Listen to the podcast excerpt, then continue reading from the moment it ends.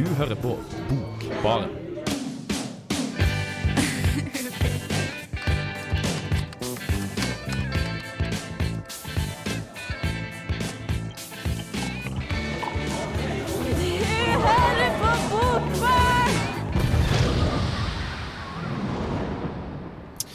Det gjør du.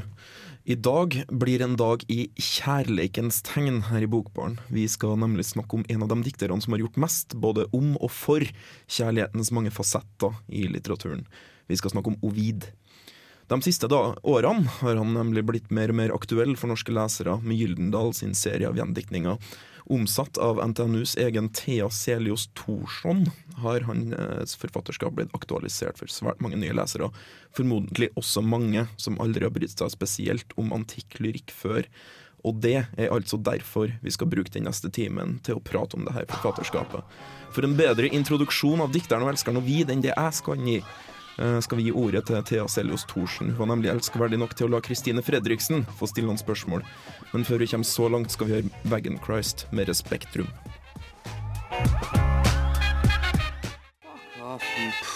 This is Alan Moore, and you're listening to The Book Bar. Ovid han eh, ble født 20. mars, eh, år 43 før Kristus. Han ble eh, en av de aller største poetene i sin samtid, og skrev da mesterverk som har forma den europeiske tradisjonen siden. Og det var ingen liten bragd, for det var en periode som hadde sett noen av de aller største romerske dikterne allerede, som Vergil og Horat og sånn.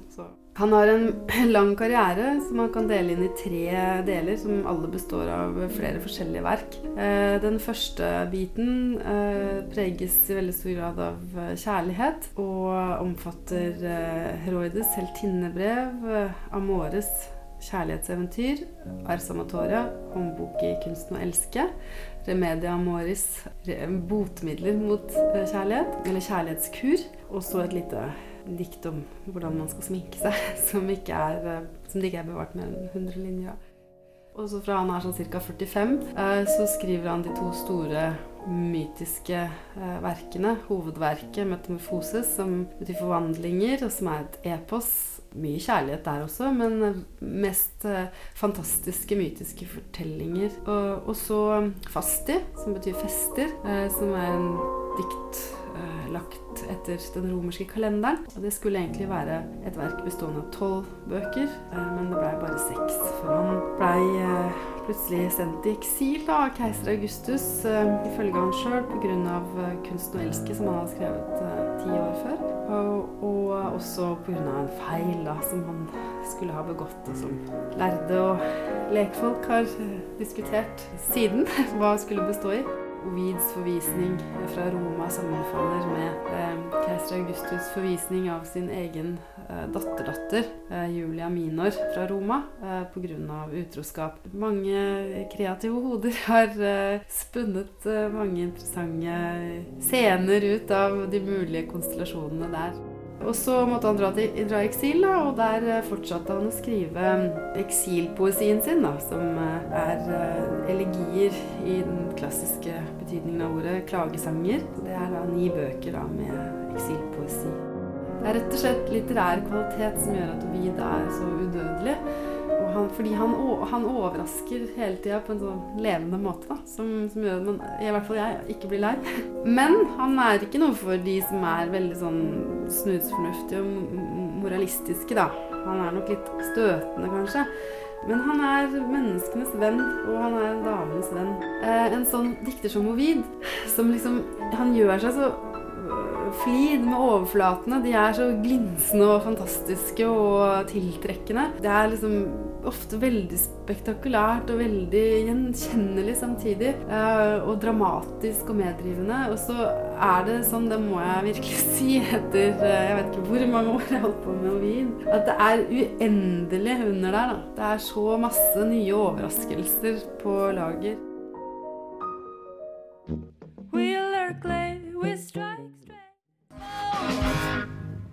Your headlights are on, we real cool. der altså Uh, vi, skal, vi, snak, vi snakker om kulhet, eller en kul fyr, selv om han dev, har vært dau i hva, 2000 år ish. Ja. Eh, Omtrent noe sånt. Ovid, nemlig. Eh, du var jo og snakka med Thea Seljos Thorsen eh, om eh, Ovid, og det hørte vi jo litt av i sted. Mm. Eh, er det noe mer vi trenger å vite i tillegg til den eh, eksemplariske innføringa?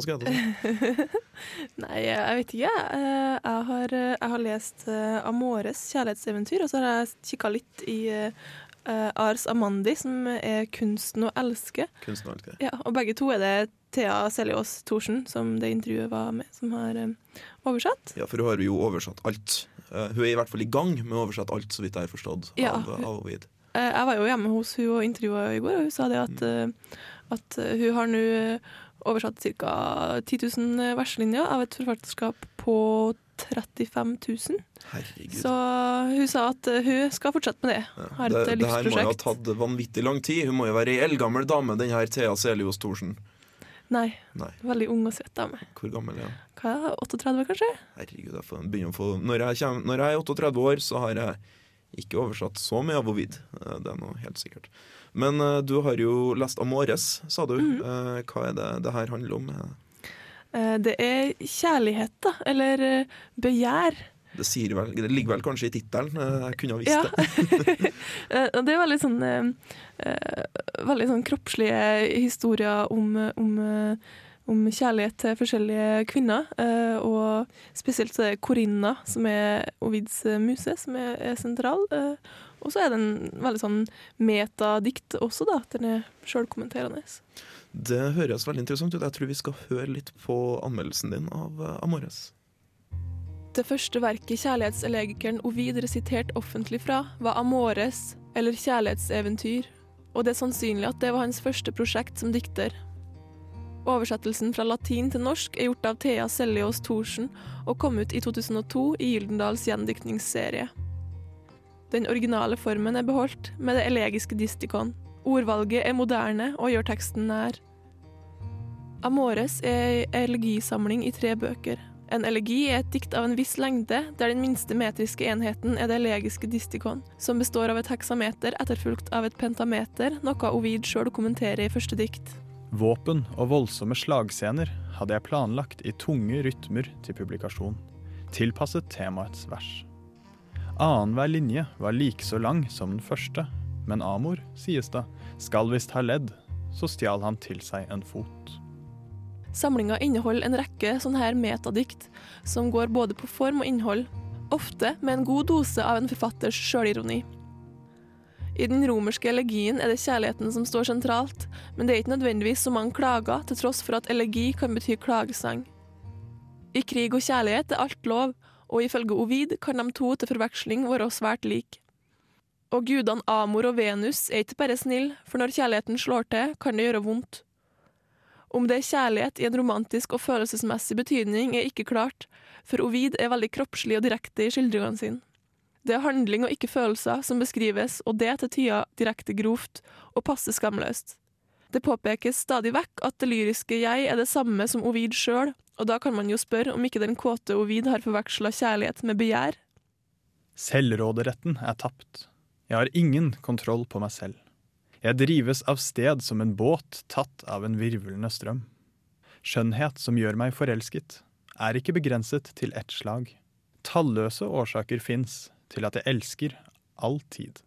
Dersom en jente beskjedent har senket sitt blikk ned mot bakken, tennes jeg ettersom dyd vekker min fascinasjon. Også den frekke betar meg, fordi hun er langt fra et gudsord, og gir forhåpninger om livlig madrassgymnastikk. Det er nettopp det her, i dikt 2-4, som er direkte inspirasjon for aria del catalogo i Mozarts Don Giovanni. I Amores leker Ovid forfører og elsker, og det er med humor, stort hjerte og arroganse.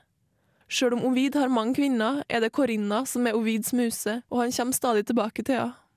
Uten hun kan han ikke ha skrevet, og da hun tar abort, er han knust over risikoen hun har utsatt seg sjøl for. Han ville tatt vare på hun og ungen, uansett om det var hans unge eller ikke. I dikt 3.12, som kan sies å være et metadikt, klager han over at Corinna er til salgs, nettopp i bokform, i hans verk. Amore speiler samtidas syn på sex. Dette er før kristendommen og synden som kommer med den mangler. Og hvordan kvinnelig seksualitet skildres her, er ganske interessant, for Ovid kan sies å være forut for sin tid når det gjelder synet på det her. Det kommer også like godt til uttrykk i et annet verk av Ovid, Ars Amandi, eller Kunsten å elske, der Ovid kommer med gode og slu råd til kvinner om forfølelsens kunst og hvordan man holder sitt utroskap hemmelig. I Amores har Ovid høye tanker om seg sjøl i elskovens kunst, og det blir til erotisk hybris, overmot i å sette seg sjøl på lik linje med gudene. Jeg kan prestere til gangs, mine lemmer er tynne, men sterke. Vekt, ikke svulmende kraft, mangler min senete kropp. Lysten vil dessuten sørge for næring til utstyrets krefter. Ikke én jente er blitt snytt for gevinsten av meg. Støtt har jeg tilbrakt en hel natt til ende med løsslupne leker. Klar og potent har jeg stått, like til natten ble dag. På overflata kan Ovids Amores sammenlignes med forsida til en utgave av Vi menn. Glansa, vulgær og direkte. Innholdet, derimot, er på et helt annet litterært nivå.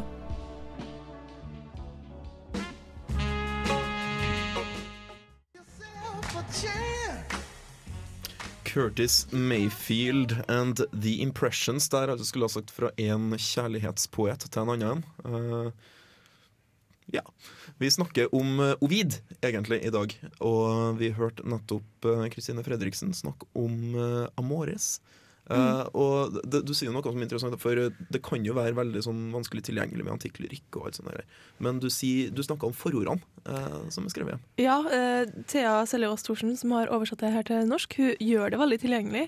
Både i uh, selve oversettelsen, fordi at det er et veldig modernisert språk, og ordvalget er ja, sånn nært eh, ja, dagligtale. Eh, og, og også så har jeg i hver sånn eh, bok eh, et ganske langt forord, der jeg presenterer Ovid og verket, samtida, hva slags eh, form det er skrevet i, i heksameter og, og, og så videre. Så Pentameter, Pentameter, ja. og, og, Mm. og jamba. mm, ja. Mm. Eh, Det kan jo også nevnes det at, at Theo Celias Thorsen har skrevet mye i Morgenbladet. Eh, Og at veldig mye av det hun har skrevet om antikk litteratur, både Ovid og andre ting, eh, nylig har blitt gitt ut i bokform. eh, Som jeg husker ikke helt hva han heter, Mathias. Det er jeg ikke helt sikker på heller. Kom ikke uten lidenskap. Altså. Kom ikke uten begjær, heter den. Det er ei essaysamling med sånn 50 essay. anbefales. Apropos begjær, så eh, vil jeg si jeg har jo tatt for meg uh, Heltinnebrevene, som Ja. også er fra den tidlige delen av uh, fatterskapet hans, og sannsynligvis det første som ble eh, utgitt rent fysisk. Altså Amores var nok det første han, eh, han, eh, han, han fremførte. Mm. Uh, men Heltinnebrødene var nok det første han på en måte fikk da uh, utgitt. Og det her kvinnesynet til Ovid er veldig spesielt, og det er spennende å snakke om. da. Altså Kristine sier jo i denne saken sin at det her er på en måte en sånn før den her moralske eh, moralske klamme hånda kom og sånn. Jeg har bare lyst til å si at den, eh, den eh, eh, I motsetning til popular belief, da, så har Michel Foucault et poeng om at det var kanskje ikke altså det var ikke de kristne som, som gjorde det her, men det var stoikerne som hadde en sånn renhetstanke, altså renheten i sinnet. ikke sant? Man skulle ikke ha unødvendig seksuelle uh, utskyvelser, på en måte. Vi skulle jo kanskje, vi skulle kanskje tro at de ville bli kvitt dem fra kroppen, men eh, tydeligvis ikke. Ja, ikke sant? Ja, det, det syns hun Når jeg snakka med Thea i går, så, så fokuserte jeg veldig på kvinnesynet Mm. til Ovid, og det var noe hun Da ble jeg veldig engasjert og, og, og sånn. Og det er jo det at det skiller seg fra hans samtid. Da. Det er veldig sånn forut for sin tid eh, og moderne. Jeg har valgt eh, eh, to utdrag fra heltinnebrevene. Det første uh, altså Heltinnebrevene er jo Han gir jo en stemme til, eh, til kvinnene i, Ja. det, i, i den antikke kanon. Ja, at det, det greske, altså de, de greske og romerske heltinner fra drama og sånn. Mhm. Og det jeg har fokusert på uh, i de her utdragene mine, det er da historien om Jason uh, og argonautene, altså han som drar for å finne det gylne skinnet. Eh, og han etterlater seg veldig mange kvinner i sin, i, i, sin i sitt farvann, faktisk bokstavelig talt. Uh, og det er mye teorier rundt det her. Og det er to av de her brevene. Det første er av Hypsipyle, og det andre er Medea. Eh, Medea er kjent fra en, eh, fra, er kjent fra en, fra en tragedie av eh, Evripides. Eh, Spesielt, Vi skal snakke litt mer om den eh, etter eh, utdraget av eh, som eh, altså er av brevet til Hypsipyle til Jason. Men det som kan sies, da, det er at Hypsipyle sin far ble redda fra øya deres, eh, hvor de, han var konge, fordi at eh, En lang historie, men, eh, men, eh, men uh, gudene ble sint, videre. Eh, eh, Afrodite gjorde sånn at alle damene på den øya lukta vondt, så ingen av mennene ville ligge med dem. Så damene tok livet av alle mennene. Men Hypsipyle og kongen, faren hennes, uh, klarte å stikke av da, eh, og på en måte grunnlegge på en måte, et nytt kongerike. Jason kommer dit med ar argonautene. Han har reist bort, men han har smelta på tjukka før han har gjort det. Han har sagt han skal komme tilbake. Det gjør han altså ikke. Han, han seiler rett forbi med Medea, altså den neste dama, på båten. Hun skal vi snakke litt mer om eh, senere. Men først Men det her er da altså et, brev, et fiktivt brev Ovid har skrevet fra Hypsipyle. mm, Ja. til Jason. Da syns jeg vi hører på det.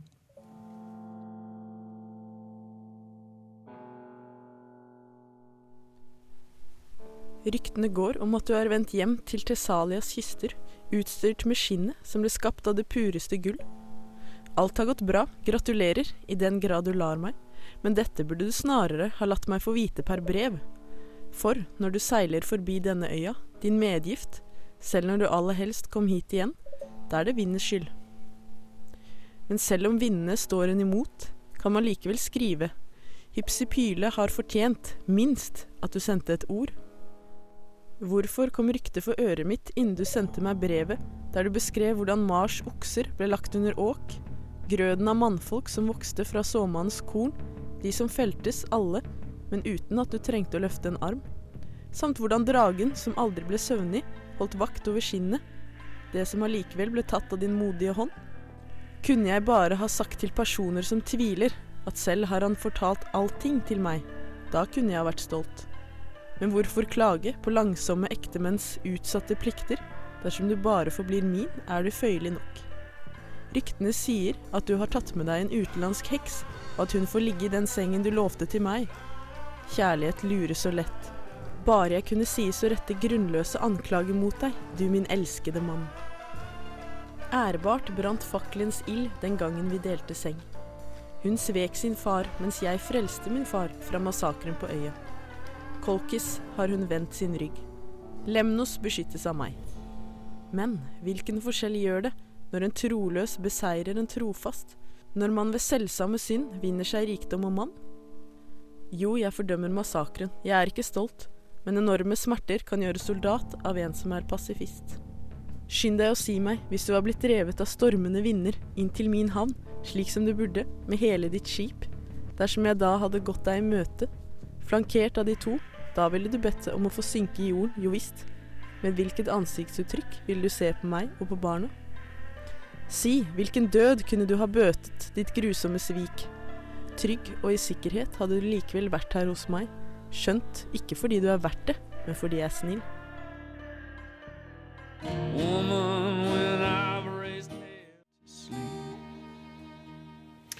Josh T. Pearson med låta 'Woman When I've Raised Hell' der. Eh, Du hører på Bokbaren. Vi snakker om Ovid, som er en for lengst død dikter. Eh, og man skulle jo da tro at han hadde mista all relevans og ikke var viktig i det hele tatt. Noe som vi prøver å bevise feil eh, ved å snakke om akkurat nå heltinnebrevene. De her heltinnebrevene er altså fra den tidlige karrieren til Ovid, og vi har vært inn og hørt nå et utdrag fra historien om Hypsipyle, altså Hypsipyle sitt brev til Jason. Um, og altså, det her er jo på en måte en sånn uh, veldig sånn postmoderne konversasjon. Altså Han tar et forelegg, et litterært uh, forelegg, og skriver videre på det. Det, her er, en, altså, det er både en sånn pastisjting, men også en sånn post, altså en sånn popkulturell greie. Det er ting i tida. ikke sant? Ha en riffe over, over ting som foregår. Og neste person han kommer til, er jo en av de mest kjente og de mest, måte, eh, mest beskrevet kvinneskikkelsene i den antikke kanon. Eh, Medea vi snakker om. Medea. Og hun, eh, det som skjer, er at eh, Medea bor da på den øya hvor Jason skal finne herre eh, skinnet, ikke sant? Rine? Ja, for hun dukker jo også opp i den boka jeg har lest, Mhm. som heter 'Metamorfoser'. Eh, og der får du også høre ganske mye om, om Medea. da. Er metamorfoser helt inne i brevene to, eller er det Jeg tror altså, Jeg beklager, jeg beklager. Ja, det bare skal ha en uh, ha, altså det, her, der er jo, det, det, det, det viser hvilken stor del av mytekretsen det faktisk uh, er. Ja. Uh, og hvor viktig denne historien om argonautene og Ja. Jason er. Men ingen fokuserte på kvinnene i denne historien mm. før da. Uh, Ovid gjorde. Og jeg vil påpeke det her at altså, uh, hun forlater jo sin far, men de har forlatt sin far. Hun tar med lillebroren sin, som hun kutter i småbiter på båten og hiver Mm. over bord, sånn at faren skal uh, på en måte seile saktere og plukke opp lille, lillebroren. Når de kommer frem eh, da til Hellas, eh, hvor, eh, hvor, hvor Jason kommer ifra, så sier Jason eh, jeg, altså, Etter de har fått to unger, så sier Jason jeg vil skilles. Eh, og, og, Etter at jeg skjærte opp lillebroren min for deg. og vi kommer da inn i det her eh, Vi kommer da inn eh, i det her eh, utdraget hvor Medea står i vinduet og hører at brudeopptoget til på en måte Jason sitt nye bryllup da, skal, Mm. skal komme. Og det her ender jo selvfølgelig, som alle vet, med at Medea tar livet av de to barna deres. Ja. Det her eh, vil påstå at, at, at Ovid sin Medea er en veldig sympatisk eh, det. Han får frem at det her er Jason sin skyld på mange måter. Mm. Evripides sin Medea er ikke fullt så sympatisk. Eh, hun er en heks. Eh, de er jo hekser i begge historiene, Ja. men det fins et ulikt fokus, og Ovid sin var veldig stilig for den gangen det ble skrevet. Fortsatt stilig. Kanskje vi bare skal høre på den her.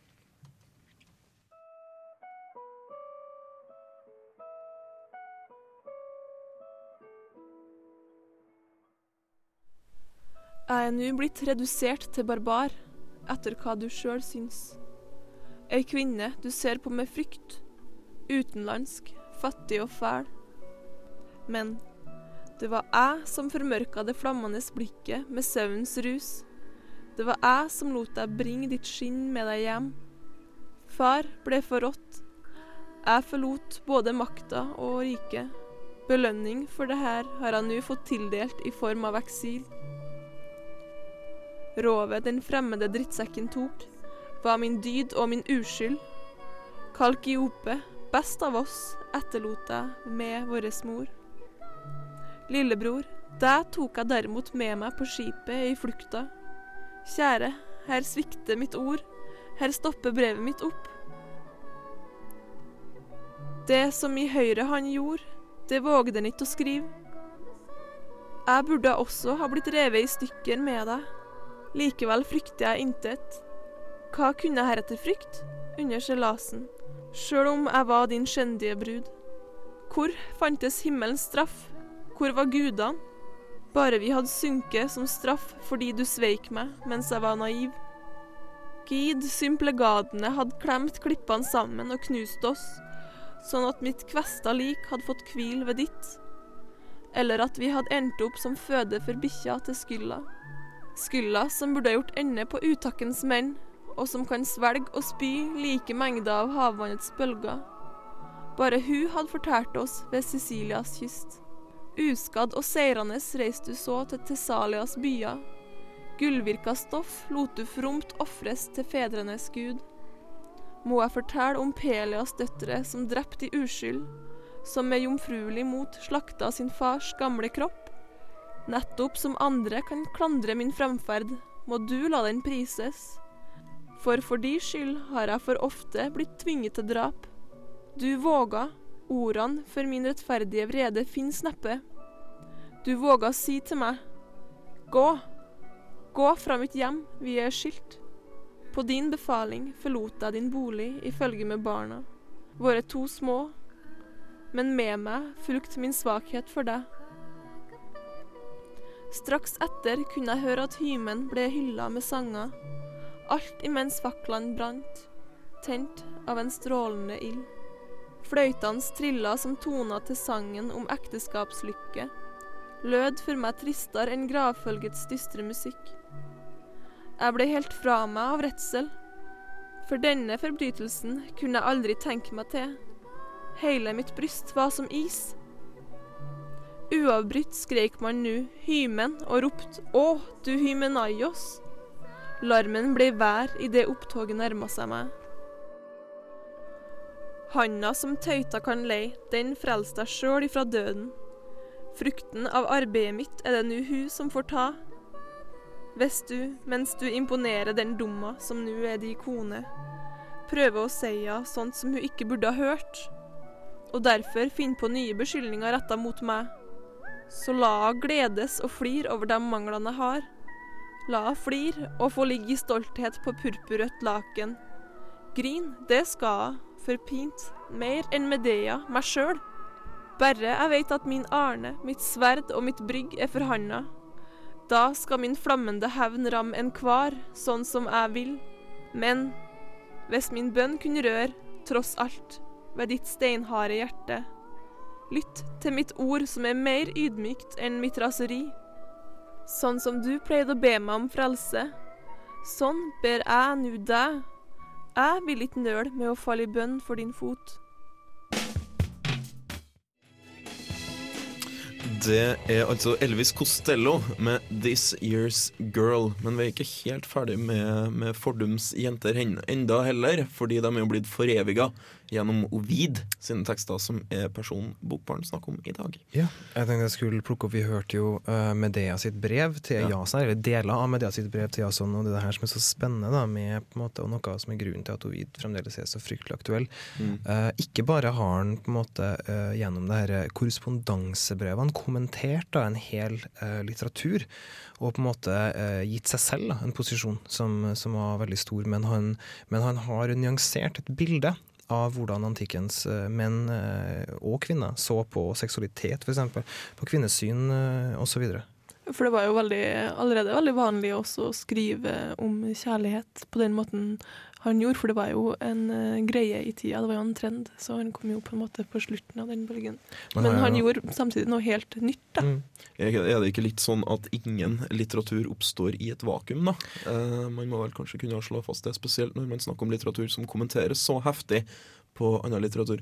Uh, vi skal snakke om ei bok til, Mm. eh, noe, nå som vi sånn småningom eh, har runda halvparten av sendinga vår.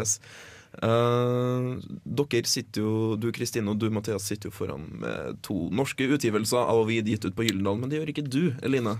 Nei, jeg har en fra Penguin. Ja. Og den er jo ikke da oversatt til norsk ennå. Nei, og den er vanvittig stor. Ja, og den er så fin, for den har eh, eh, Omslaget er en statue av Bernini, der der Daphne driver og blir forvandla til et tre. Og det er veldig, mm.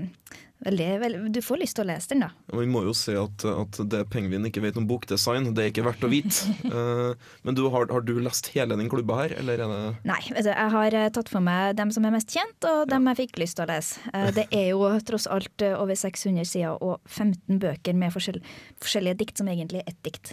Kan det kalles et, et hovedverk, det her, eller? eh? Ja, det er det han, eh, han sier sjøl òg, da, Ovid, at det her er faktisk ett dikt. fordi det, For det første er det kronologisk. Eh, Det tar for seg verdens, altså skapelsen, og helt fram til da Ovids egen tid. Verdens skapelse? Ja. Hva visste Ovid om det? Nei, Det, det er myter, da. Det, Eh, vi skal ta og høre litt eh, mer om det her.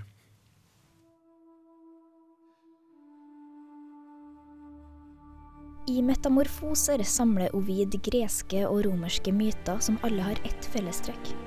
Det handler om transformasjon. Det å forvandles til noe annet. Ikke sjelden kombineres det her med ideen om uoppnåelig kjærlighet. Narsissus blir ulykkelig forelska i seg sjøl og fortrylles av sitt eget speilbilde.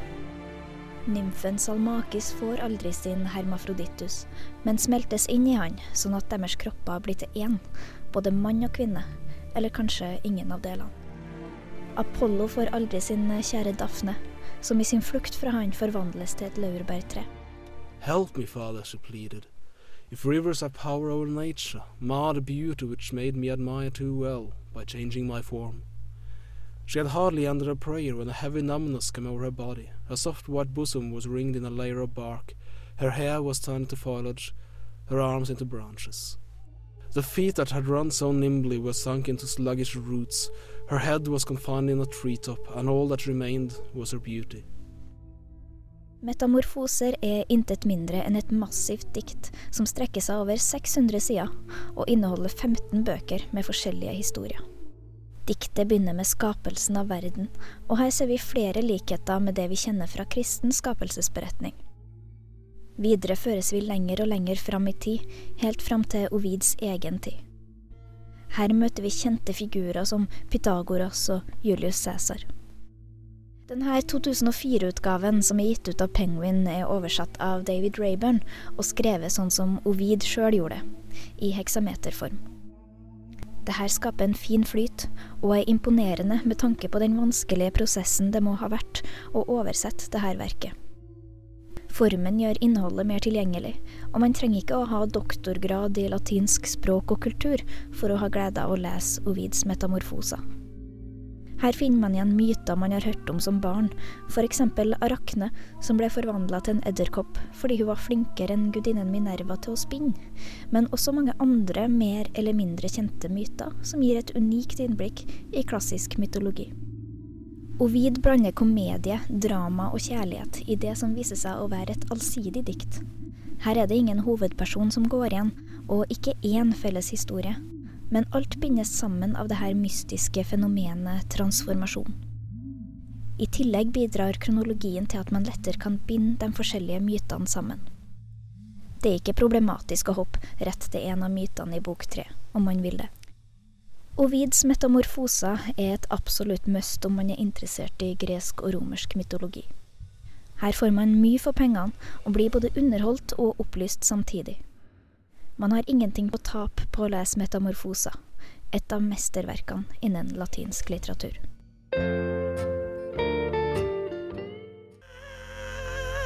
Dr. Hook and the Medicine Show med She Was Only 16. Passende nok, vi snakker jo om Ovid, som jo sikkert, som veldig mange andre voksne menn, likte 16-åringer. ja, ja.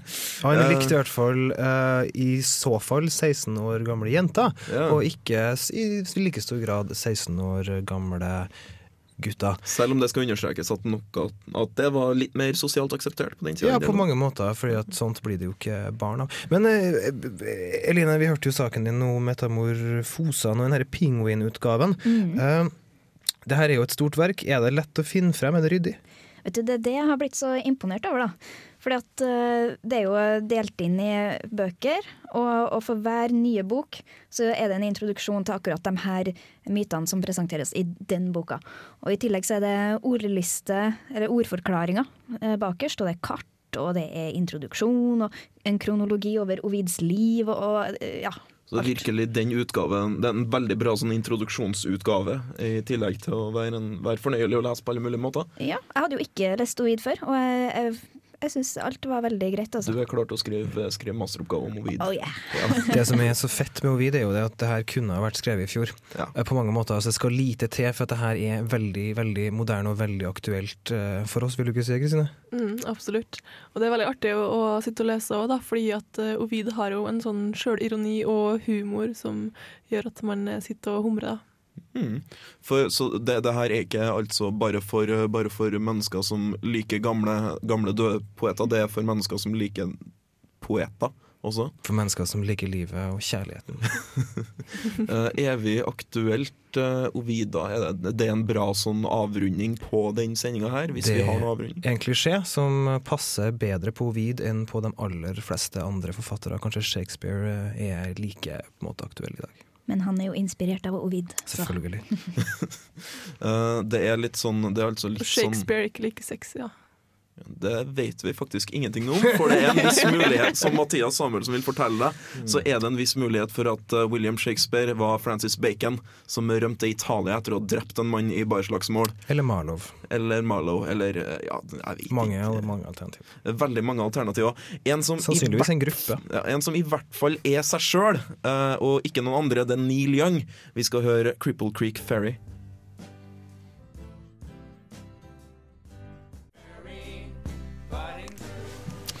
Det var Neil Young med Cripple Creek Ferry. Bokbaren nærmer seg alvorlig slutten for i dag, men ikke før vi har takka deg, kjære lytter, for selskapet. Hvis du ønsker å lese mer om Ovid, så finnes alt det vi har snakka om i dag eh, tilgjengelig på norsk og engelsk, eventuelt på latin, hvis du ønsker å være autentisk og heslig. Jeg heter Martin Ingebrigtsen. Med meg har jeg hatt Mathias Samuelsen, Kristine Fredrik Bang Bang Bang og Eline Bjerkan. Teknikker ble utført av Arne By. Jeg vil gjerne takke Thea Seliås Thorsen for intervjuet samt Olin Siggerud, Hans Kvernsjøli og Susanna Huneide Torbjørnsen for opplesningene av utdrag fra bøkene. Hvis du har lyst til å høre mer av Bokbaren, så kan du høre på oss her på Radio Revolt, FM 100 hver søndag klokka seks, eller når som helst fra hjemmesidene våre, radiorevolt.no. Du kan også laste ned podkast fra iTunes. Uh, da gjenstår det bare å si takk for følget. Her har du sånn småningom Jenny Wahl med 'Engines in the City'.